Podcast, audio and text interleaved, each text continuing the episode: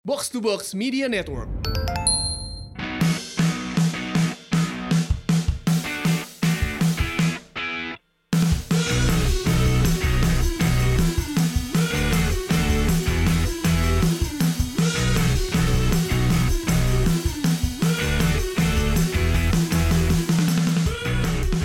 memasuki ke pertengahan Juli ini udah banyak orang yang eh, nanya ke gue, bang nanti nonton MU di Singapura di mana bang? Mau barengan dong gitu. gue pergi ke Singapura juga karena ada urusan bisnis sebenarnya. Oh cuan ya?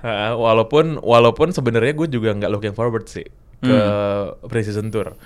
Karena uh, ya bukan mau songong ya, tapi kalau misalnya lo udah pernah nonton The Premier League gitu, lo udah pernah nonton The Real Deal, nonton preseason tour tuh nggak ada tai-tainya sih sebenarnya Hmm. Gitu. Uh, bahkan bagi pemainnya pun juga demikian, nggak ada rasanya juga gitu nonton preseason tour. Jadi box to box gue Pangeran Syahan ada Raditya Alif, what up, what up? kita mau ngomongin soal uh, the joy of watching preseason tour or rather the non-existent joy. It's glorious. It's glorious, tapi gue bisa ngerti untuk orang-orang yang memang yang memang belum belum dapat rezeki Ya. untuk nonton langsung tim kesayangan entah di Inggris, di Italia apa di Spanyol. Nonton preseason tour kan memang uh, cara paling gampang, Iya. cara paling gampang untuk melihat dari dekat. Hmm. Nah, eh, masalahnya adalah gue udah sekian udah kes, udah berapa kali dikecewakan. Bahkan sebelum gue nonton eh, Man United di Old Trafford gitu. Lo ini berapa kali sih nonton MU di preseason? Preseason tuh eh, this gonna be my I think eh, fourth I think. Oke, tiga yang sebelumnya di mana? kali. Yang pertama di Bangkok. Match pertama David Moyes. lawan Singa All Star. Jadi Singa kan bir bir Thailand kan, Singa Iya, All Star. iya. Kalah men. Anjing. Kalah 0-1 tuh. Jadi bayangin gue nonton apa namanya istilahnya kalau di Amerika tuh yang kursi di atas banget Eh, apa? Stand. eh nosebleed Oke. ya jadi di atas banget tinggi gitu ya Oh, mimisan yang ketinggian ya? Oke. karena ketinggian gue lihat gue lihat MU David Moyes dikalahin oleh Singa All Star it's not even a proper team Singa All Star gitu Mhm. kalah 0-1 Ini tuh pertandingan yang sering dijadiin video pendek sama fans MU. Danny Welbeck uh, step over step over terus Iya, boleh keluar iya, nggak sih? Iya, iya. oh my iya, god, iya. poor you man. gitu. 0-1 gue nonton MU lawan lawan Dortmund Mhm. di Shanghai kalah juga. Oh, sorry sorry. Kalau MU gue nonton keti- ke- nonton ketiga kali. Kalau preseason yang semua tim itu keempat kali. Karena gue nonton Arsenal musim lalu di Singapura. Oh, ini ba- ini ini bagian dari cup cup something apa lawan PSG. Eh, itu ICC, ICC. Oh ICC. ICC, ICC. Oh, Oke oke oke oke. Ini yang si Jasin ke sana nggak sih waktu itu? Lupa gue. Ke sana ke sana. Oh, oke, oke. Yang gue nonton Matteo Guendouzi pertama kali gue lihat nih bocah not bad sih gitu. Iya iya iya. Ah, gitu. Berarti ini this is gonna be my fourth time watching preseasons. Nanti kan MU lawan Inter. Oke. MU lawan Inter gitu. Dan- Lukaku main di tim yang mana by the way nanti? Inter mungkin kali. ya. Dan karena ini tahun ganjil bukan tahun turnamen internasional, eh, itu bakal full tim di bawah sama Man United. Nggak kayak tahun kema- kemarin pas nonton PSG sama Arsenal tuh Oke. cuma ada Buffon main di PSG. Oke. Ini tapi nanti si Pogba bakal dibu atau nggak sama fans fans MU pertanyaan gue? Gue rasa sih fans MU yang emang Golden Hunter, yang memang Golden Hunter Golden Hunter kayaknya terlalu sayang sama duitnya untuk ngebu ya. MU lawan Inter sama ada Spurs juga sama Juventus kalau nggak salah. Oke. Ada main di sana jadi lumayan ada tim ada tiga tim gede plus Spurs ya. Ini, ini tuh turnamen yang sistemnya klasemen apa ada kayak Seben nggak ada kelas klasemenan sih sebenarnya. Ya, eh, gini, mereka punya global, mereka punya global table, which is I think Ah. ridiculous, gitu. Karena semua tim, semua tim mainnya kan nggak nggak saling ketemu. Tapi Yeah. semua tim yang masuk ke dalam ICC ini, jadi kalau tahu si ini kan dibikin sama Dead American guys, siapa siapa Stilin Tano, aku lupa lah pokoknya. Steely Dan. yang punya yang punya ambisi untuk ngalahin Champions League. Satu hal yang bener-bener yang bener-bener nggak masuk otaknya dia adalah Aduh. adalah yang bikin Champions League Champions League adalah gara-gara it's a proper competition and it's competitive Yeah. gitu. Nah dia tuh merasa bahwa kalau gue ngumpulin semua tim besar di dunia, gue gue bikin satu turnamen, ini akan bisa attracting orang yang Yeah, sama. oke. Nah tapi kan dia cuma bikin itu di luar Eropa Hmm. buat orang Amerika, buat orang Asia, orang Australia, Hmm. yang mungkin memang tidak semua punya kesempatan nonton langsung di Eropa. Hmm. Dia dia bikin MU lawan Real Madrid. Mereka mainin di Wembley, tapi judulnya adalah ICC. Gak ada yang datang, men. Gak ada yang datang lebih rame. lebih rame nonton uh, QPR lawan Fulham mungkin kalau lo Le- bikin lebih rame nonton NFL main di Wembley sama MLB MLB kemarin. kemarin, kemarin Yankees lawan Red Sox. iya. Nah, ini menurut gua nggak masuk ke otaknya dia gitu. Cuman again, dia dia selalu bikin ini, dia selalu bikin ini setiap uh, setiap summer dia ngumpulin semua tim yang mana semua tim bahkan nggak saling ketemu jadi nggak saling ketemu tapi dia bisa dibikin table sama dia ntar Hmm. Anjing. siapa yang akan juara gitu ada ada ada peraturan-peraturan kayak di pialanya si Ajax nggak? Jadi eh, kan kadang-kadang demi keseruan aturannya dimanipulasi dikit kan. Nggak ada, nggak ada. Oh, yang kalau kalau kalau yang Ajax kan ini kan jumlah gol tuh juga jadi hitungan setahu gua. Jadi ada ada poin lebihnya. And I think the logic behind that adalah supaya permainannya lebih ofensif. Iya, iya. Well, ICC kalau dibandingkan sama Emirates Cup yang dulu digelar sama Arsenal, Wey. menurut gue seruan Emirates Cup. By the way, sekarang karena lo mention Emirates Cup ya, ini terlepas dari gua nonton Arsenal langsung atau enggak, ada loh masa-masa menyedihkan di mana gue lumayan excited nonton Emirates Cup karena gue tahu di akhir musim hanya piala itu yang bakal dimenangin sama Arsenal Tapi anjing. per, pernah, ada, pernah ada masanya juga Arsenal bahkan nggak menang Emirates Cup kan? iya. Oh, i- jangan salah sempet eh kalahnya sama Hamburg FC Iya, iya, iya. sama Red sama Red Bull New York anjing Bull yang waktu York, Thierry iya. Henry balik ke ke apa namanya eh, ke Emirates dengan kostum Red Bull waktu itu. Jadi eh ICC yang akan digelar tahun ini tahun depan juga tahun depan yang lagi pun juga akan nggak akan bisa ngalahin bahkan mau ngalahin liga domestik pun juga juga nggak bakal. Iya. Yang lucu adalah eh kan selalu ada wacana European Super League, right? Ya. Yang selalu dibikin oleh tim-tim apa tuh? Ada berapa tim? Ada 14 tim. Iya iya, semacam yang punya blok sendiri ya kayak kayak G20 apalah itu. Nah ini si apa namanya si orang yang bikin ICC ini itu pengen banget merapat ke situ.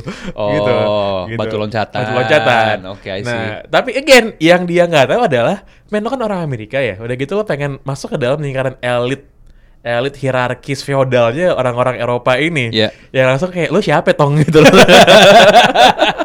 Tapi juga I mean gimana ya selama wacananya juga pre-season dihitungnya sama tim-tim lain pre-season, it's also about the stakes ya. Karena lo nonton game ini mau seseru apa pun lo tahu ada liga lain yang lebih penting, lo tahu ketika tim-tim ini disuruh untuk risk it everything nggak mungkin. Plus ada juga biasanya peraturan-peraturan yang lebih memudahkan tim-tim itu untuk tidak bermain 100%. Contohnya substitutionnya biasanya lebih banyak kan. Dari 3 ke 5 gitu. That helps apa namanya pelatih-pelatih untuk ke untuk rotate.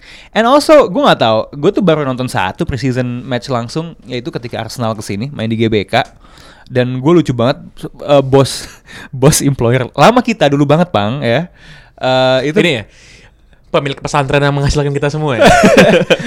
oh, oh, oh, enggak. Eh, bukan yang bekerja dengan industri rokok. Oh bukan, bukan. Bukan, tapi yang, oh temen kita dagang senjata sekarang. dagang ya? senjata. Ah, iya. iya. Dulu dia pernah cerita ke gua katanya. Dulu ada temen eh temannya dia dapet tiket buat nonton Arsenal di GBK. Abis itu lu tau gak kenapa dia nggak jadi nonton? Dia pengen makan boncon anjing. Sebuah apa fast food ayam Korea yang udah nggak ada bahkan di sini. Udah kan. nggak ada di sini bocor. Iya, em, apa namanya? Eh, gue nggak tahu ya. As, sebagai penonton, gue pun tahu kalau pertandingan itu nggak ada stakesnya.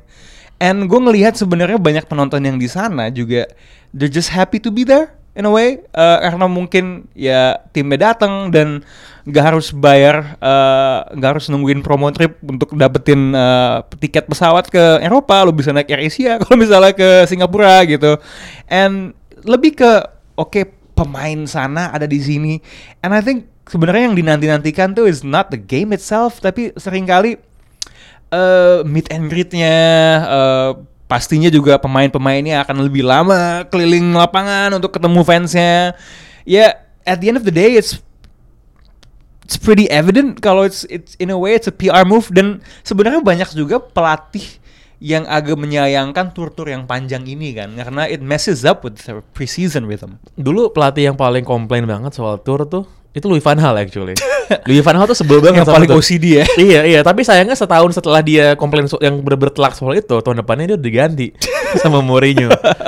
Eh, gue gue gue selalu bilang bahwa bola itu nggak sama kayak basket. Basket kalau lo nonton exhibition tuh keren banget, seru kan? Iya. Ya kan? Karena no defense and then semua orang bisa flying dunking segala macam gitu. Beat dribble enak dilihat, kan ankle iya. breaker. Bola itu kalau nggak ada defense nggak enak banget dilihat. Ya, sebenarnya gue bilang bola itu ketika lo bikin eksebisi itu mungkin anal- analogi dengan American sports ya, itu lebih kayak NFL. Karena kalau NFL All Star game-nya aja nggak seru kan? Ya, Pro Bowl, Pro Bowl. Iya Pro Bowl karena intensitas itu defense tadi olahraga yang cukup keras ini tuh nggak nggak mungkin dia main uh, seperti itu karena stake-nya nggak ada gitu loh. Same thing with uh, uh, soccer gitu. bener bener bener bener. Eh, kalau lo nonton basket, lo nonton All Star tuh kan bener-bener eh, kalau di awal-awal ya, Hmm. itu kan hampir no defense sebenarnya Yes. kan, bener-bener loose banget gitu. Tukar beli uh, basket ya. Iya iya. Dan kalau lo lihat orang, lo lihat orang scoring aja, mungkin karena faktor bahwa ring basket nggak ada kipernya mungkin kali ya, gitu. Lo dangnya lo lay up aja kalau kalau begitu indah untuk dilihat itu kan enak nontonnya gitu Hmm, kan. hmm. Lo tendang bola ke gawang di mana nggak ada back yang berusaha untuk nutupin tendangan lo, itu nggak ada seru-serunya di Iya, itu basi. itu basi banget. Makanya gue kalau misalnya misalnya nih, MU lawan City main di Singapura, Iya. di hari yang sama eh, ada Persija lawan Persib main di GBK gitu. Gue suruh milih kasih tiket, gue nonton yang di GBK pasti. Pasti. Pasti iya. Karena lo ngelihat pemain main 120%, lo nggak ngelihat ada ada no love lost at all antara kedua set pemain ini. Tapi you know to your point ya, menurut gua when you think about foot uh, bola in that sense ya, sebenarnya lo tuh jadi agak nggak apresiasi defense. Iya gak sih? Karena ya di podcast ini kan selalu bilang oh sebaik bola bertahan, bakir bus dan lain sebagainya. Nah, itu mah emang Justin aja, Justin aja. Cuman ya, ya you need you need defense to make sepak bola itu good. Kalau beautiful itu kan masalah estetika, tapi entertaining gitu loh. Ada stakes, ada challenges flying in. Ya you won't see that kalau lo liat preseason, monggo gitu. iya iya iya. Dan ya preseason selalu lah main, paling main main full first team tuh babak pertama kan fan Hmm. service lah. Terus Iya. babak kedua baru mainin pemain-pemain yang mulai-mulai nggak jelas gitu. Em, Pemain-pemain yang bakal dipinjemin. pemain yang ya. bakal dipinjemin. Ini kan sebenarnya kayak summer league NBA kan. Oh kapan lagi sebenarnya kalau lo jadi fans Chelsea, lo bisa ngelihat eh, Chelsea WhatsApp group itu nggak lo? Iya. Diturunin semua tuh Ken, siapa Kennedy siapa lah Danny namanya. drink water. Iya, iya. kayak misalnya kayak misal MU gitu. Dia kan bawa full tim sampai Pogba aja yang tadi ketinggalan di Florida men. Akhirnya terbang gitu, terbang. Oh Pogba likes preseason ke US man Dia bisa nonton basket Dia bisa main sama Iya, iya, iya. temen-temennya Temen-temen satu brand Terus foto Jadi konten kan Misalnya dia ketemu siapa lah main basket Ketemu James Harden ya kan gitu Oh dan dan gue juga ngelihat liga-liga lain di US itu lumayan embrace preseasonnya uh, bola. Hmm. tim-tim NFL exactly. Mereka punya tuh di di di konten uh, di channel YouTube-nya tuh football versus football di mana pemain NFL tuh ngelakuin tantangan pemain bola pemain bola ngelakuin tantangan pemain football. Hmm. dan gue lihat di tahun lalu tuh Pogba tuh ketemu Josh Norman yang di Washington uh, Redskins. Dan gue yakin itu syutingnya waktu preseason ketika MU tuh main ke Washington DC yakin gue 120% Iya ya bener Pogba. Kalau kalau gue dulu ingat tuh si siapa? Yang kemarin baru pindah. Siapa? Baru pindah ke Cleveland. Wide receiver Giant siapa namanya? OBJ OBJ. Iya Odell Beckham, Beckham, Beckham. Jr. Ah. Dia kan emang pemain bola kan? Iya suka Dia- suka dia- temannya David Alaba deh Temen David Alaba ya, ya. Dia tuh dulu pernah ke Bayern Munchen. Hmm. Udah gitu latihan. Yes. Udah gitu kata semua orang Bayern, he's not bad sebenarnya. Iya. he's not bad gitu. Karena beneran bisa nendang bola, Ah, beneran bener. bisa dribble gitu. Iya Eh, tapi bagi lo semua yang memang akan berencana nonton nonton preseason yang paling dekat di Singapura memang fans MU banyak banget gue tahu. Juventus juga banyak. Hmm. Eh, Inter juga banyak. Fans Spurs ini gue nggak tahu sih. Pada Ah, mudah-mudahan dikit ya. mudah-mudahan Oh, oh enggak, mereka akan merangkul semua fanbase fanbase kecil, maaf, di satu Southeast Asia gitu, Indo Spurs ke sana mungkin. gue agak agak agak menyayangkan mereka datang gini. Sebenarnya Spurs ini kan bukan bukan tim yang bukan tim yang nggak terkenal lah buat ukuran Asia Tenggara, Yeah. apalagi Asia Tenggara gitu. Hmm. Yang memang sangat jago trivia bola dibandingkan sama seluruh dunia lainnya Hmm, gitu kan. hmm. Kalau dia datang sendiri sebagai tim yang paling besar gitu, mungkin dia akan dapat masa yang gede banget. Hmm. Apalagi baru masuk final Champions kan kemarin. Tapi mereka datang di saat di mana ada United, ada Inter, ada Juventus gitu. The spotlight is not gonna be on them. Mereka sangat jago mengaku inferioritas ya. Emang sengaja menempatkan diri. iya, aduh, kita ini tim ya underdog gitu. Lo berencana nonton nggak? Ya enggak juga sih nggak ada Arsenal Ah, soalnya. enggak, enggak, enggak, enggak, not at all. Eh, Jangankan nonton di stadium, nonton pertandingan preseason juga enggak sih. There's so many better options, other things to do. Tapi buat buat buat sports fan yang nggak nonton liga domestik ya, Mhm. di summer kayak gini emang tontonannya nggak banyak kan. Iya. Gua nonton bola udah pasti nggak ada sekarang belum ada. Ya. NBA libur kan, Ah. sebagai summer league ke macam. Oh ini NFL eh, mungkin tapi masih lama. Apa? Eh, FIBA World Cup basket. FIFA World Cup ya tahun Iya, ini. ya? tahun ini, tahun ini. Gua eh, ada watch, gue nggak, gue nggak nonton ke Cina sih. Feeling gue jangan-jangan kok Rocky Padilla rock bomb kayak. I have a funny feeling he'll go there. I don't know. Eh paling gue nonton ini. Well, he's been to more obscure events, so Yes. Dari ini saya lagi di Summer League. eh, three weeks ago pertandingan SMP apa gitu. Um, gue ada wacana mau nonton pertandingan friendly US lawan Australia build up persiapan. di Australia. Ya karena biasanya sering banget uh, tim-tim basket sebelum a big event tuh ya sama kayak tim bola kan sebelum Piala Dunia suka ada pertandingan warm up ya dengan lawan-lawan yang biasanya satu benua dengan tim di di grupnya kalau di Piala Dunia gitu kan.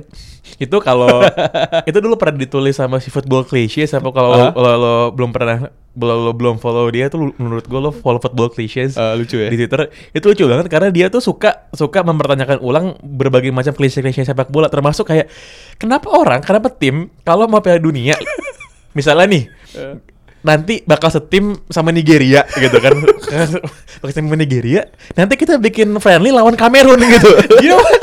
That's racist man. iya, iya, iya. Itu sebenarnya gak ada hubungannya gak, gak mainnya gak sama gitu kan. Emang Samuel Eto'o sama JJ Okocha sama kayaknya enggak kan? iya, iya, selalu kayak gitu. Tapi yang dibawa sama Amerika siapa ke Piala Dunia? Apa nih? Ke Piala, ke Piala Dunia basket? Eh, gua belum rosternya belum ditentuin. Eh, gua lupa training campnya I think supposed to be in the coming months. Mungkin habis semua hingar-bingar basket ini hilang ya. Eh, yang menarik sebenarnya bukan pemainnya, tapi pelatihnya. Karena lo ada Pop Eh, Popovich, eh. ya, jadi head coachnya gantiin Coach K. Eh, asistennya ada Steve Kerr. Hmm, Oke. Dan ini pelatihnya Villanova. Eh gue lupa J J siapa namanya? J Wright? Eh, gue lupa tapi Jadi sebenarnya bisa lebih all star iya, pelatihnya daripada iya, pemain-pemainnya. Dan Villanova ini kan program yang lumayan eh, cukup hebat di level NCAA. Karena kecil kan kampusnya. Karena eh, kecil dan dia agak beda kalau Kentucky Duke semua dia one and done. Jadi ngutamain pemain di tahun pertama. Yang bener bintang Kalau pas Villanova, SMA ya? iya kalau Villanova kebalikannya pemain-pemain yang lulus dari situ biasanya 3 4 tahun. Dan mungkin Top, eh, sekarang top pemain NBA Villanova siapa? Eh, gua kalau nggak salah Kyle Lowry itu dulu Villanova. Oh, Kyle Lowry, oke. Eh, tapi yang gua inget ya, eh, eh, gua kind of hard naming names. Eh, backup guardnya Dallas Mavericks, Jalen Brunson, itu Hmm. dia lumayan berjaya lah di level NCAA. So instead of dia dia university yang tidak menghasilkan bintang, tapi pemain-pemain NBA ready yang siap jadi role player lah. Too much basketball, we talk about football. Distracted man. Eh, nggak ada yang menarik gua gua- apa transfer transferan menurut gue ya kalau dibandingin sama dibandingin sama free agency-nya NBA emang nggak ada anjing-anjingnya gitu kayak kayak kayak kayak kayak kayak kayak kemarin waktu Paul George ikutan pindah. Boom!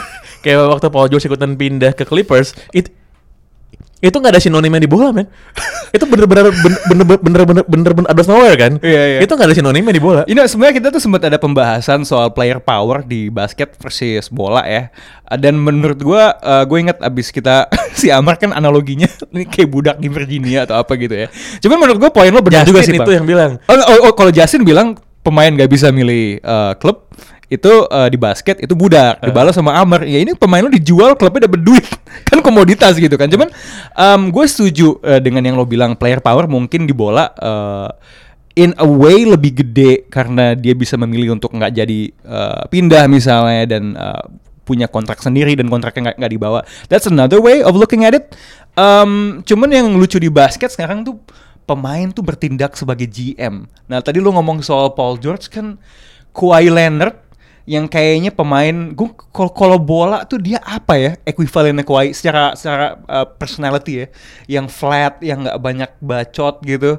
Tapi ternyata diem-diem dia bisa jadi GM juga gitu loh narik kong kong kali kong gitu loh. Ya, menurut gue Kawhi itu orang, orang paling berbahaya di NBA sih kan.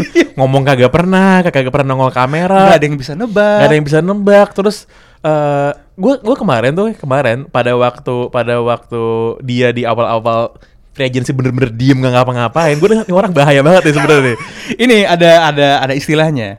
Real G's move in silence. Iya. Like lasagna. di bola hampir pasti nggak akan ada yang kayak gitu Iya, sy- iya, pemain yang ngerekrut pemain lain tuh gue I can only remember one case, ya.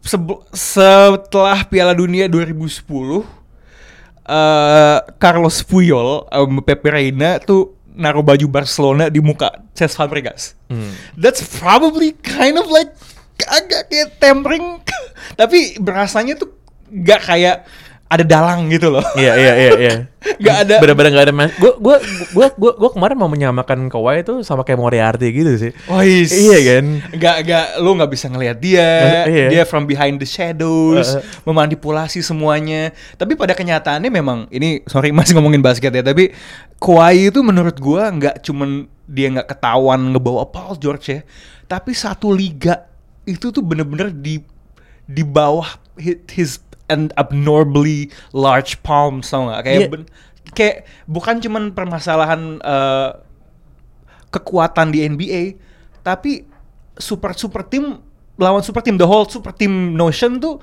kalau dia pindah ke Lakers ya mungkin game over gitu loh. Kayak lo punya tiga star, dia ke Clippers practically banyak banget tim yang punya dua bintang. Jadi persaingannya tuh jadi merata cuman karena perpindahan dia doang.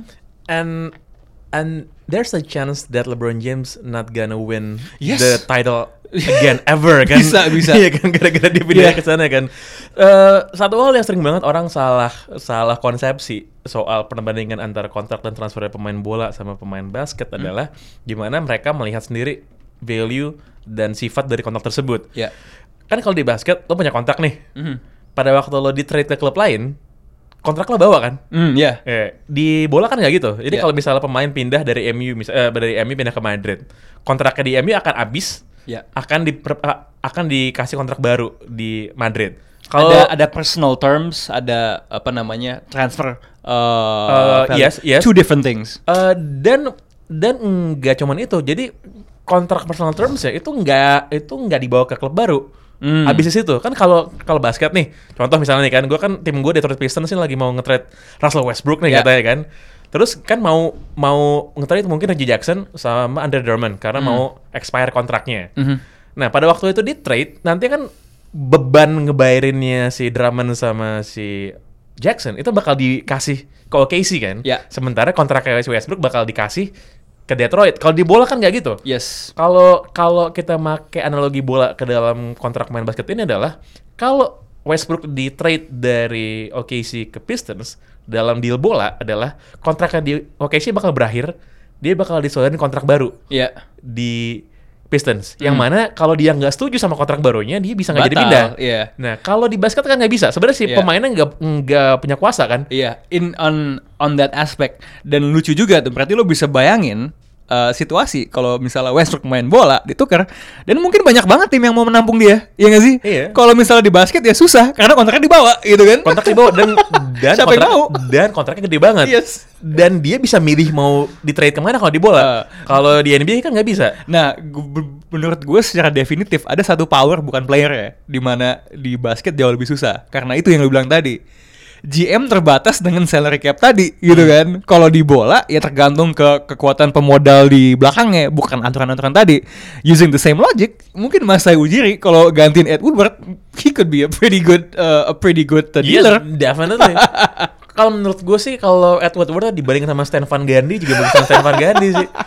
Masalah itu satu sama masalah labor market sih. Ya, iya. Kalau kalau labor marketnya bola tuh kan luas banget. Hmm. Kayak sedunia kan lo bisa milih bocah dari Brazil umur 17 ya kalau jago ya bener jago aja. Benar, benar, benar. Sementara itu nggak akan dialami di basket gitu karena Hmm. memang pool player yang talented kan nggak banyak Lebih dikit ya, benar. lebih sedikit dan juga job opportunity-nya untuk pemain-pemainnya kan juga cuma sedikit cuma buat 32 tim di NBA right? Uh, 30, ya. Cuma ada 30 tim di mana lo bisa bermain di level tertinggi nggak kayak di bola di mana di mana di tiap negara lo ada di Eropa Iya, Inggris, ke Spanyol. Inggris, Spanyol, iya, iya. Italia, Jerman segala macam gitu. Jadi memang nggak bisa dibandingin apple to apple sih. Benar, benar, benar, benar. Udah kali ya, ini udah lama kita Ya ngomongin. udah udah ganti topik juga gitu. Memang memang preseason nggak nggak semenarik itu sih bang. Eh, memang gak menarik. Gue tinggal nungguin aja si Westbrook pindah sih ke Pistons sih. I, I think it's gonna happen sih. Oke, ini juga mungkin ya buat fans yang nonton preseason. uh, We're not saying lu jangan nonton preseason. And if you go there, ya just make the most of it. Tapi lu siap-siap kecewa aja. Siap-siap kecewa, iya. Lo juga pengen dapat pe- pengen pengen lihat pemain gini. Gue sebenarnya pertama kali gue menyadari bahwa sepak bola tuh bukan soal pemain ya. Itu pas gue nonton preseason, men. Oh kenapa tuh? Gue nonton pemain MU dari deket kan. Nggak ada rasanya. It's about the game. It's Uh. about the club. Not about the players gitu. And also ketika lo ke Old Trafford kan lo nonton dengan diehard fansnya. Apa nama kumpulan fans eh, MU yang Nama India? Oh, yang ini gue nggak. Oh, yang iya. ini sih nggak ada, ada namanya. Yeah, but, but but when you went there, it was more about the fan experience lo mingle with the Iya, iya, locals iya. dan lain sebagainya dan itu nggak mungkin lo dapat. nggak bakal dapat nggak bakal dapat walaupun biasa kalau preseason fans paling hardcore paling ribut tuh paling berisik di Singapura biasanya tuh orang Indonesia pasti Ah. karena orang-orang Singapura cuma dokeming aja diem diem nonton kan Eh, gitu udah bola udah. ke stadium kita Iya, yang, iya, yang jarang iya. dipakai gitu Iya, ya. iya. Oke, that's about it buat Box to Box edisi preseason yang topiknya ke mana-mana. This is Raditya Alif. Pangeran Syahan We out.